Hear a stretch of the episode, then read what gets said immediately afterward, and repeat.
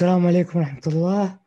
ضيفنا لليوم هو شخص من سكان المنطقة الشرقية من منطقة دريدي عند منطقة الجبيل أو قريبة من منطقة الجبيل لقب بالملهم. صار له حادثة وهو صغير. ومن بعدها تغيرت حياته وتغيرت مبادئه وهذه الحادثة أدت إنه يروح للعلاج في بريطانيا وهذا العلاج في بريطانيا فتح له باب جديد في حياته. ضيفنا اليوم الأستاذ الملهم عبد الله العواد. السلام عليكم أستاذي. عليكم السلام. أهلا أهلا بالاستاذ شو أخباركم؟ طيبين سعيد جدا باللقاء. باللقاء المميز إن شاء الله وأنا متأكد إنه راح يكون مميز إن شاء الله. اولا آه، بصاحب الإعداد وصاحب الفكرة الجميلة هذه. الله يسلمك أستاذ. طيب عرف الناس إيش بالطريقة اللي أنت تحبها؟ إيش صار معاك وأنت صغير؟ بداية يعني هو كان آه، مشاكسة أطفال وفضول أيضا لدى الأطفال وبراءتهم. كنت يعني ألعب مع أخوي طبعا في غرفة مغلقة بإحكام بالكبريت. وكنا يعني نرمي أعواد الكبريت على الأرض إلى أن كبر هذا الحريق. لم نستنجد الوالدة. طبعا الوالدة كانت مشغولة بال بالضيوف وخفنا إنه يعني يعرفون إيش الموضوع اللي حاصل داخل الغرفة، طبعا البيت قديم في أخطاء شوي في البناء لأن النافذة اللي كانت موجودة اللي كانت تطل على الصالة صالة الضيوف ما كان يبين داخله أي شيء، كان في حريق لمدة ساعة والأهل ما كانوا يعرفون. وأنا تخبيت تحت السرير وناديت أخوي إنه هو يتخبى معي لكن رفض الموضوع وتغطى بالسجادة. وأنا يوم شفت أخوي بعدها قدامي يحترق.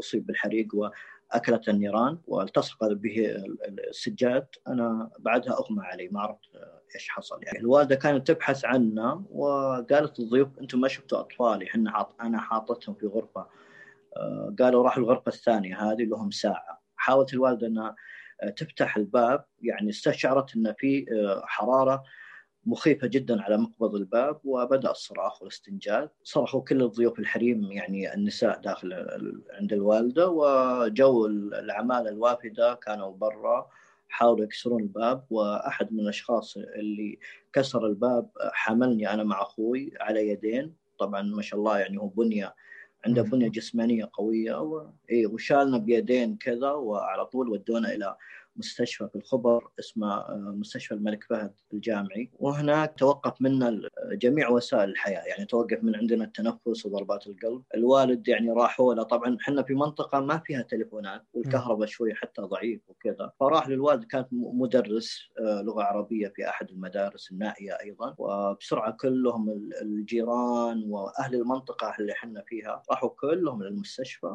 قال لهم الدكتور أبنائكم يعني خلاص فقدوا الحياة. الوالد يعني قال يا رب لو إنه بس واحد بس إنك تحيي منه. أنا سبحان الله إني أنا كحيت من تحت البطانية أو الغطاء الأبيض واستغربوا إنه من اللي جالس يكح وطلعت ان أنا اللي جالس أكح. ما شاء الله الحمد لله أما أخوي الآخر أخوي الآخر توفى. الله يرحمه. من الصعب إنهم ينقذونه لأنه خلاص هو يعني استنشق كثير من ثاني اكسيد الكربون وتشوه. يتشوه كثير يعني وما في أمل إنه يرجع للحياة. أه، وأنا رجعت للحياة رغم إنه كان الأمل بس مجرد 1% ان يرجع تمام تمام. الحمد لله. على السلامة وأنا جدا اسف على اللي صار وحزين. وهذا الشيء يعني زي ما أنت قلت وزي ما وصفت كامل الوصف يعني ممكن يصير في أي بيت. ما هي حادثه كهرباء ولا شيء تقول لي والله أنا بيتي كان قديم ولا شيء. هذا شيء لعب أطفال ممكن يصير في أي بيت. طب كيف كانت رحلة علاجك ببريطانيا وإيش إيش اكتشفت فيها؟ وليش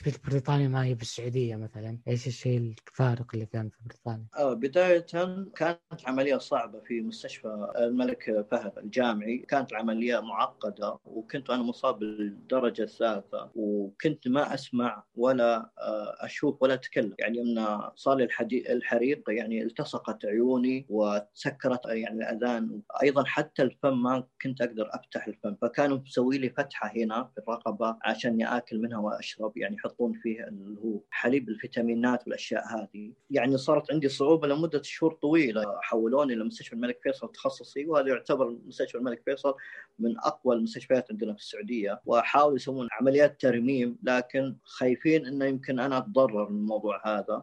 فرفعوا آه، عني تقرير كامل إن أنا لابد إني أتعالج برا خاصة في مستشفى لندن كلينيك لأنها هي متخصصة في وحدات الحروق لأن أغلب المستشفيات يكون عام وشامل حق أمراض أخرى. لكن مستشفى لندن كلينيك عندهم جناح خاص حق الحروق جميع مستوياته بجميع آه، مراحله. جاء أمر من الملك فهد طبعا يعني بعد ما آه، أرسلوا الوالد ومع عندي خال يعني من رجال أعمال دخل على الملك فهد وحول بسرعة أمر سامي منه إلى إلى مستشفى لندن كلينيك. أنا لحتى الآن يوم كنت في بريطانيا ما كنت أشوف ولا أسمع ولا أتكلم. سبحان الله أنا أشوف إن رحلتي إلى بريطانيا عملية تمهيد ورحمة من الله سبحانه وتعالى إنه خلى هناك إني أنا أبتدي الحياة. لأن لو وجودي في السعودية يمكن أنا من زمان رحلت من الحياة. كان في صعوبات كثيرة إني أنا مثلا أرجع إن أشوف أو إني أتكلم أو إني أسمع أو إني أستخدم اليدين. طبعا حتى كانوا اليدين ملتصقين الأصابع. في مشاكل كثيرة لي أنا.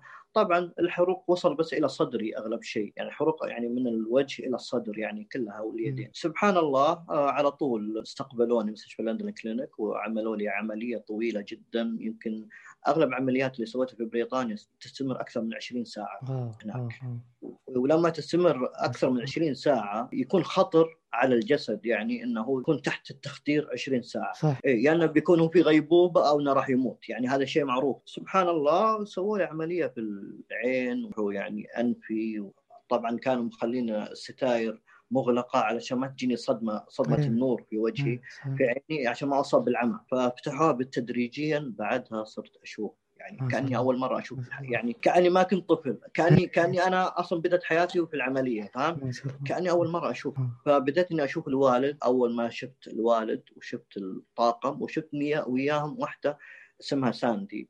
طبعا ساندي هذه كانت لها أثر كبير بحياتي كانت ام وصديقه ورحمة نزلت يعني لي من الله سبحانه وتعالى كأن رزق أعطاني إياه هذه هذه المرأة. يعني هي أصلا حتى تعاملت معي كشخص كبير مو كشخص صغير. خلتني عندها بمكانة الصديق. يعني موضوع مو موضوع عاطفي. هي للتوضيح هي نيرس. هي ممرضة ما هي طبيبة صح؟ لا لا هي أخصائية أطفال. يعني حقين اللي تعلم الأطفال حق كيف يلعبون إذا كانوا من صدمه فهي عاملتني كصديق وليس كطفل أو كشخص مصاب بالحريق أو إنه أحتاج إلى الشفقة. عاملتني خلتني قوي أيضا. كانت تشوفني إني أنا ما ألعب مع الأطفال، قالت أكيد هذا يعني شخص موهوب، لأن بعضهم إذا يفكر إذا في طفل ما يلعب مع اطفال أكيد هذا مصاب بالتوحد، هذا أكيد إنه في مشكلة روحية، لازم نوديه لشيخ، أكيد هذا مو طبيعي اذا الولد، لا هي كانت تقول أكيد هذا موهوب. فجابت لي ورقة وقلم قالت لي ارسم. ما أدري كيف عرفت إني أنا عندي طاقة الرسم أنا بعرف. إيه بديت إني أرسم وشافت إن خطوطي جميلة وبدت تجيب لي مجلات أطفال الكوميكس طبعا سوبرمان وسبايدر مان الأشياء. هذه. فأنا ركزت على سوبرمان. ذيك الفترة أنا إلى يومك هذا أنا أحب ترى سوبرمان. أحب الموسيقى. طبعا الموسيقى هذه أعتبرها شيء عظيم لأن هذه عاشت معي الموسيقى ذي منذ الصغر. فيوم كبرت وواجهت الناس وأثبت نفسي قلت سبحان الله كأني أدري أنا راح أطلع سوبرمان. فهمت؟ لأنه جد اللي أنا عشته لأن عشته مع هذا المجتمع يعني يحتاج إلى آه يحتاج إلى قوة فولاذية مش شيء بسيط خاصة إذا أنت في منطقة عربية مش إني أقول يعني منطقة خليجية منطقة عربية مجتمع عربي ككل لأنه أنا أشوف إنه ما في وعي. صح إحنا إلى حتى صح الآن ما عندنا وعي. الجهات الإعلامية متى يذكرون ذوي الاحتياجات الخاصة؟ متى يذكرون اللي فيهم حروق، اللي فيهم كذا؟ يتذكرون في اليوم العالمي للإعاقة فقط مرة واحدة في السنة، فالمجتمع ما زال إنه يحتاج إلى وعي مكثف، كيف تتعامل مع هؤلاء؟ وغير كذا لازم يضع نفسه الشخص الطبيعي والسليم إنه يوم من الأيام يمكن راح تكون مثله، يوم من الأيام راح تجي يجي طفل من جهتك أنت من منك إنه راح يصاب بمرض أو أخرى أو إعاقات فلا بد أنك تكون مش آه، تأخذ الموضوع إن أنت خلاص أنت راح تدوم طول طول الحياة إنك أنت سليم واحيانا تجينا سخرية منهم. لكن سبحان الله إي سبحان الله يصابون بعدين آه، يعني مستقبلا. أنا ما زلت اني أنا أبي وعي. لحتى الآن الوعي عندنا ضعيف. مو بس في الخليج وعي عندنا في جميع المجتمع العربي. صح صح. وعلى هذا الأساس مثلا أنا طب لنفرض أنا متزوج حلو وعندي ولد صغير وفجأة طلعت أبغى أقابلك والولد صار يبكي مثلا خاف من شكلك خلينا نكون مرة صريحين يمكن صار معاك موقف زي كذا ما آه. صارت لا بالعكس. أنا إيش ممكن أسوي أنا معاه؟ كيف أقول له يا ولدي هذا شيء طبيعي؟ إيش تنصحني أنا كأب يعني؟ نعم أنا أنا أنا قد صارت لي أول كنت أزعل أيام المراهقة كنت أزعل وكنت أنزعج وكنت أتضايق لما يكون واحد ولده يخاف مني الحين كبرنا ونشوف نضحك ونمازح الطفل وأحاول أتقرب منه وأعطيه شيء واسوي أو أسوي له حركات مضحكة عشان يتقبلني. هذا اللي أنا أقدر أسويه لأن أنا مش إني جالس أبي إني أجبر الطفل لأن الطفل يبقى إنه عقله محدود. عقله انه طفل يعني. فاهم؟ يعني حتى لو إني بوعيه من الصعوبه إنك توعيه إلا بالطريقة الكوميدية والطريقة هذه مش بالطريقة العلمية. ففي أطفال كانوا يخافون مني لا صاروا يحبوني لدرجة انه دائما يسألون عني يسألون آبائهم أبي أشوف عبد الله أبي أشوف عبد الله أبي وكانوا يفرح. اي والله كان عندي أصدقاء حتى لو قال إحنا بنروح حق عبد الله يفرح الولد يبدل بسرعة وذا يجي معاه فهمت؟ ويجلس معاي. برغم إن أنا مش اللي دائما أعطيه هدايا وكذا بس سبحان الله محبة من الله يعني. الحمد لله هنا. الحمد لله. سؤال بخصوص صحتك إيش هي أكثر الأسئلة اللي تجيك؟ وإيش هو الفعلي منها؟ إيش هو الحقيقي منها؟ يعني من جد أنت تبغى الناس تعرف عنها مثلا. بعلمك شوف الحروق لما يكون واحد إنه مثلا معاق منذ الطفولة يختلف. لما يكون واحد طبيعي وبعدين أصيب باعاقه أو أصيب بحروق أو زي كذا. يعني موضوع الحروق هو مش مرض لكن الناس بعضهم تعاملهم معنا وجفاف اللي معهم واحيانا الابتذال في المعاملة.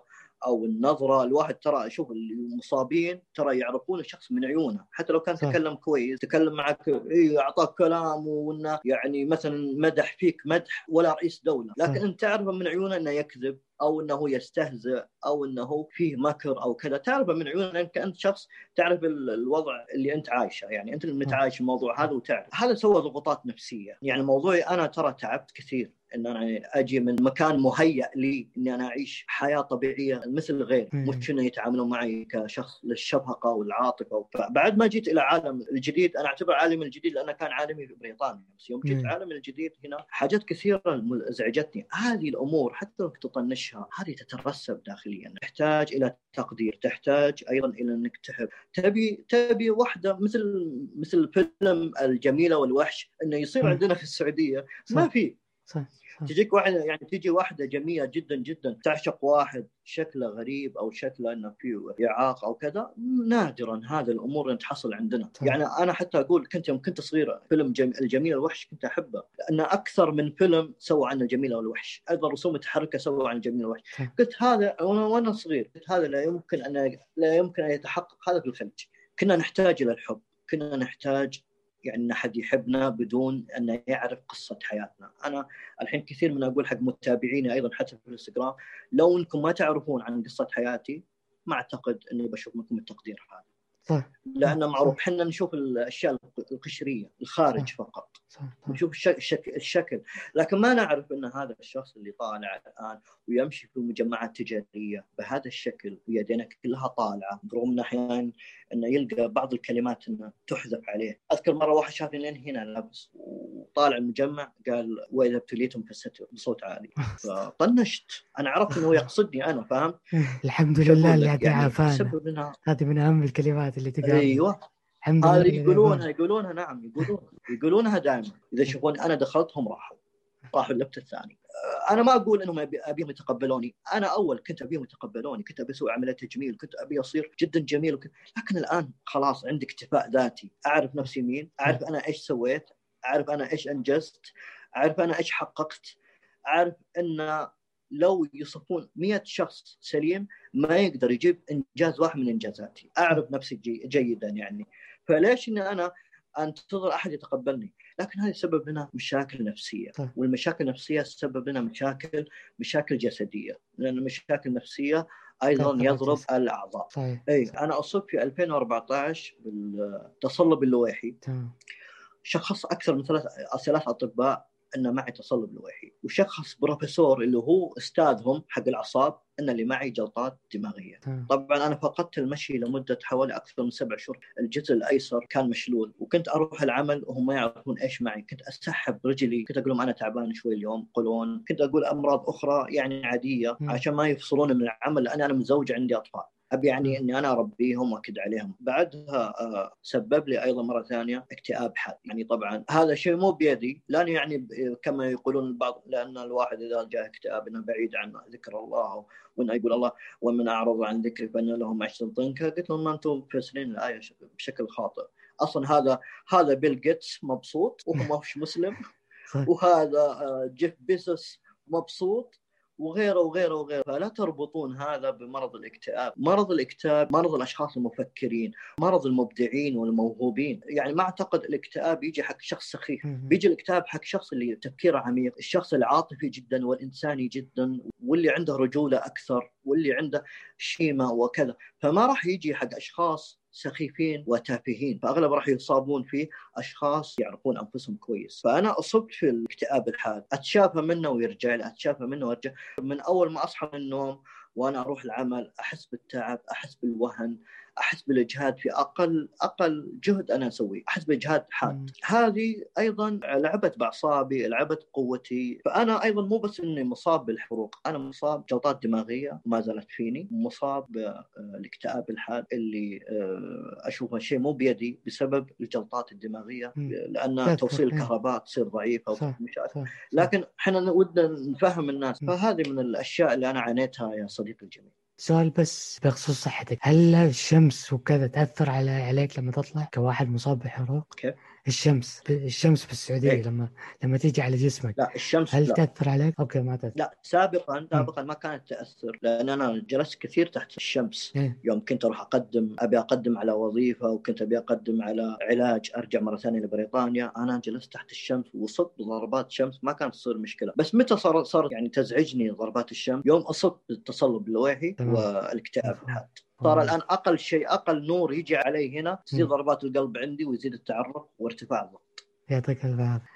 طيب أنت ذكرت إنه جتك حاله الحريق وكذا كيف هذا أثر على حياتك من ناحية الدراسة كعبد الله وإيش سويت حلول؟ سالفة الشهادة؟ تعرف إحنا كعرب مرة مهم عندنا الشهادة، فإيش إيش سويت بخصوص الشهادة؟ أنا بالنسبة لي ما كانت مهمة عندي الشهادة. تمام. الوالد الله يرحمه يعني كان مركز علي إن أنا أركز على الشهادة أكثر من إخواني، لأن عارف راح بواجه غول كبير من المجتمع والشركات ما راح تتقبلني وكذا، فكان أبوي دائما يقول لي أثبت وجودك في المجتمع أثبت وجودك أثبت وجودك. فالوالد يعني لو كان حي ما كان بيخليني أسوق سيارة إنه كان يخاف علي. ما كان بيخليني أتزوج لأنه لأنه خايف علي. هو أغلب شيء يكون خايف وحريص. يعني تخيل كنت طالع في نصف آه، الامتحان الدور الأول في أول ثانوي طلعت قلت لهم مع السلامة قلت حق المدرس حتى شافني رميت القلم ورميت ورقة الأسئلة قلت له مع السلامة طلعت ليش؟ لأن كان بداخلي من بيوظفني من بيوظفني من بيتقبلني. فرحت إلى الرياض مرة أخرى. رحت أقدم على وظائف.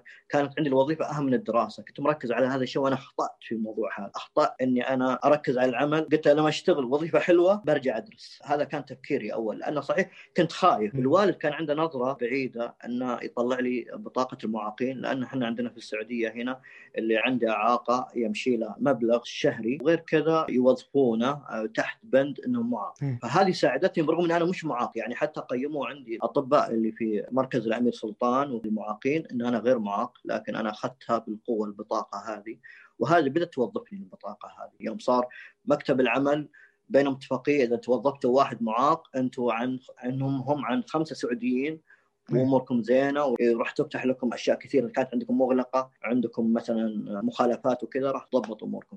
فبدوا يستهدفوننا هذول الشركات. كان يعطيني ويقول خلاص راتبك كذا مو بعلشاني أنا علشان تمام. لا يومك لا يومك تمام إيش أهم الهوايات؟ طبعا أنت قلت إنه أنا رسام بس أعرف عندك أيه. هواية ثانية يعني تظهرها للعلن أحيانا بس ما بس مو دائما واللي هي العود؟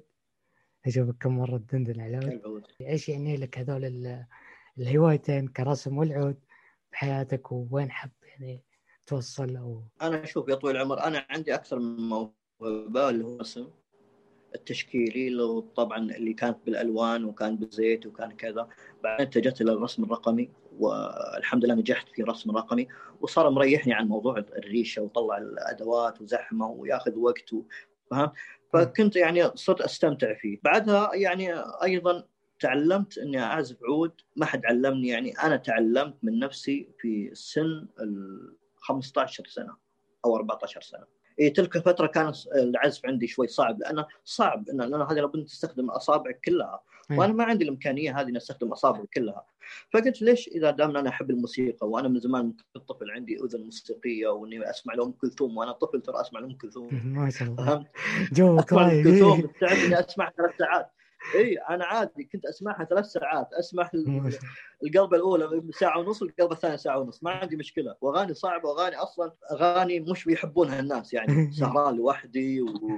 والأشياء هذه. قلت لابد اني أتعلم الموسيقى دام أنا أحب الموسيقى والعود. لابد العود يمشي على كيفي مش ان أنا أمشي على كيفي. تمام. أنا أروض العود مش العود يروضني. من أغلب الناس يعزفون العود كلهم طريقتهم واحدة. فعزفت على صبع واحد أصعب معزوفات ام كلثوم. محمد عبد الوهاب كنت يعني مندمج بصراحة مع أم كلثوم والألحان الصعبة والكوبليهات الصعبة كنت أطبقها. أنا يعني لو إني أنا أطلع بالطريقة الأجنبية في بعض الحسابات يشوفوني هذا بهذه الطريقة يشوفها طريقة جدا غريبة. لكن إحنا لا يعاملونك إنك أنت تعزف حالك. حال اي وضع تعزف وهذا أصلا صعب التصنيف هذا لأن التصنيف هذا المفروض إنه ما يصنفوني مع ضمن العازفين لأن أنا اعزف أعزف باصبع واحد. طبعا أنا عندي كتابه أنا أكتب من كنت طفل أصلا أكتب. كنت يعني أسوي لي يعني آه، دفاتر. كنت كان عندي دفتر على أو 40 كنت أسوي قصة كاملة حلو. هذا الموضوع. قصص ولا خواطر؟ إيش إيش اللي تحبه؟ إيش اللي تحبه أكثر؟ لا لا قصص. قصص. حلو حلو. طيب أكثر معلومه أكثر ثلاث معلومات خاطئة يعرفوها الناس أو يتوقعوها الناس عن حالتك؟ يظن مرض أصلا وانه معدي وأيضا آه، قالوا أيضا عني إني أنا عقيم من أطفال يعني عائلة توافق وعائلة بعدين آه، ترفض لأنهم يسمعوا الإشاعة ان أنا عقيم، كيف سمعتوا عني إشاعة ان أنا عقيم وأنا أصلا لم لم تكن عندي تجربة سابقة. هذا يعني شيء عجيب جدا يعني. كانوا يصدقونه وكانوا ناس أصحاب شهادات اللي يصدقونها يعني. مدرسين يعني يصدقوا الأشياء هذه. يعني أنا كنت طبعا ناس ناسبت واحد أبوها مدرس يعني معلم أكثر من 30 سنة وكان صديق الوالد وكذا. بس يوم سمع اني أنا ما أنجب أطفال. والله إحنا سمعنا عنك إنك ما تنجب قلت له دام هذا تفكيرك دام هذا يعني عقليتك وأنت مدرس أنا خلاص مع السلامة. من الحين أنا أطلع أنا أنسحب. هذا الموضوع الأول. الموضوع الثاني انه اللي لازم يعرفونه الناس يعني خاصة مجتمعنا وخاصة متابعيني إن الإلهام إن الملهم يتألم مثل يغضب مثل يحزن يبكي. يتعثر عنده اعداء عنده صدمات هم يبون دائما أيضا حتى الملهم يكون زي الأنبياء. ما, ما يذنب آه، ما يخطئ ما يزل ما ي... هم يبونها بس خلاص كامل مكمل. هم عليهم من خلف الكواليس إيش قاعد يحارب إيش قاعد يواجه. أنا طبعا مش بس إني أواجه أشخاص ينتقدوني في ال social media أيضا عندي انتقادات خارج السوشيال ميديا. ليش إن عندي انتقادات هذه؟ لأن المجتمع حطني في بوتقة صغيرة أو علبة صغيرة إني لابد أن أكون في إني أنا ما أطلع من هذا الحدود. معاق مصاب بالحروق لابد إنه يشحذ في المساجد لابد إنه يشحذ في الإشارات المرورية. لا أنا اعتمدت على نفسي. أنا فاجأتهم أنا صدمتهم أنا لم أكن تحت عاطفة أحد أو شحاذ أو كذا. أنا ما أقول لك الكل أنا أقول لك البعض انه كرهني بالموضوع هذا لاني صدمته وأعطيته حاجة إنه هو ما كان يبيها لي، ما كان يبيني إني أكون أنا بهذه الطريقة، يبيني أكون بالطريقة الضعيفه يمكن. مع ذلك ما زال. يقول إذا اليوم ما ما يضعف بكرة يضعف، ما يضعف بكرة يضعف، فهو صار عنده أمل لمدى سنوات طويلة إنه راح يوم من الأيام إني أضعف وإني أكون شحاذ وإني وإني لكن ما, ما قدر إنه يصدق توقع هذا. يبونك هم كناس في يعني بصحتهم وعافيتهم وهذا يبونك دائما تكون أضعف منهم، كيف واحد عنده مشاكل؟ أضعف منهم ما عنده ناس يحبونه، هذا بالعكس إحنا راح نثبت لكم إن هذا الملهم وإن هذا الشخص القوي إنه شخص إحنا يعني ليش نكرهها بن... إحنا بنعطيكم دليل إن إحنا نكرهها فبعضهم يتصيدون عليك بثغرات والأشياء هذه ويلعب يمين. إحنا كذا دائما إحنا إحنا دائما نحارب نحارب الأشخاص المختلفين عنا، نحارب الأشخاص آه، الأقوياء، لأن أغلب شيء يمشون الناس على الشعبوية، على اللغة الواحدة وكذا، ما يحبون المختلف، ما يحبون الشخص اللي يمشي عكس التيار. إيش هي آه، رسالتك ونصيحتك لأي شخص ممكن يشوف الحلقة وهو مصاب بالحروق أو ولده مصاب بالحروق أو عنده أي أحد يعني ممكن هو بالمستقبل يصاب بالحروق. إيش نصيحتك لهم لهذه الفئة اللي هم تماما مثلك؟ أنا أشوف إن موضوع المجتمع صح صعب المجتمع العربي ككل صعب. لكن إذا أنت لم تتقبل نفسك لا تنتظر الناس يتقبلونك. إذا أنت ما تحب نفسك ولا تقدرها لا تظن الناس إنهم راح يحبونك. إذا أنت أصلا ما وقفت مع نفسك كيف تبي الناس توقف معك؟ كيف تبي الناس تدعمك؟ خلي الناس تدعمك وانت قوي، لا تخلي الناس يدعمونك وانت ضعيف، خلي الناس يدعمونك انك انت يضرب فيك المثل انك انت اخترقت جميع هذه القواعد الشاذة اللي بني عليك انك انت تكون شخص لا تستحق الحياة أو شخص لا يستطيع ان يبني، لا يستطيع ان يعمر، لا يستطيع ان ينتج، لابد انك انت اول شيء تحافظ على نفسك، ترفعها، ما تنزلها، تحب نفسك، تروح المحلات. اللي الناس راح ينتقدونك يضحكون عليك أو يسخرون عليك، مجرد قالها دقيقة دقيقتين وبعدها بيمشي بيروح البيت ولا فكر فيك. أنت راح تجلس طول الحياة تفكر فيه تقول هذا آه، استهزأ فيني هذا ضحك علي وبتنام وأنت تفكر فيه وتصحى من النوم بتفكر فيه ذاك خلاص نساك. هذا شيء يتعب يمرض. أنت حب نفسك. إذا أنت الحين ما عشت الحين متى تبي تعيش؟ إذا أنت الآن تدخل بين أربع جدران وحابس نفسك متى تبي تعيش؟ متى تبي انت توصل لأهدافك؟ الناس ما راح توصل تخليك توصل لأهدافك. أنت لازم تقوم أنت من نفسك وتدعم نفسك وترفعها. فأنا أقول حب الحياة الحياة بتحبك. ولو كانت واجهتك الظروف ترى أنت مش الوحيد اللي عنده ظروف مش هو الوحيد اللي عاش الفقر مش هو أنت الوحيد اللي عاش الحروب. في أشخاص أسوأ من وضعك. في أشخاص لهم سنوات طويلة ما يطلعون من المستشفيات. أنت يعني قول الحمد لله أنت في نعم كبيرة. أنت ما تشوف النعم اللي الله أعطاك إياها. لابد ان النعم هذه تستخدمها في الاشياء اللي تفيد نفسك وتفيد غيرك. صادق. نعم. أتوقع أنت كذا اختصرت علي مو بس رسالتك للناس. اللي بنفس حالتك. هذه رسالة لكل المجتمع فالله يعطيك العافية. شكرا جدا على اللقاء المثري والملهم. مرة ثريت من معلوماتك. من جد من جد أنا جدا سعيد بلقائك. يعطيك الألف عافية على كل دقيقة أعطيتنا إياها من وقتك. وأنا أتمنى لك كل خير وصحة وسعادة. ونشوفك قاعد تندم بالعود ببنتات السعيدية بإذن الله. أوه إن شاء الله. إن شاء الله, إن شاء الله. وين تعالي تركي الشيخ؟ عندك الحين يشوفك ان شاء الله. إن شاء الله أشوفك على خير. في أمان الله. حبيب قلبي. شرفنا السلام عليكم. وعليكم السلام.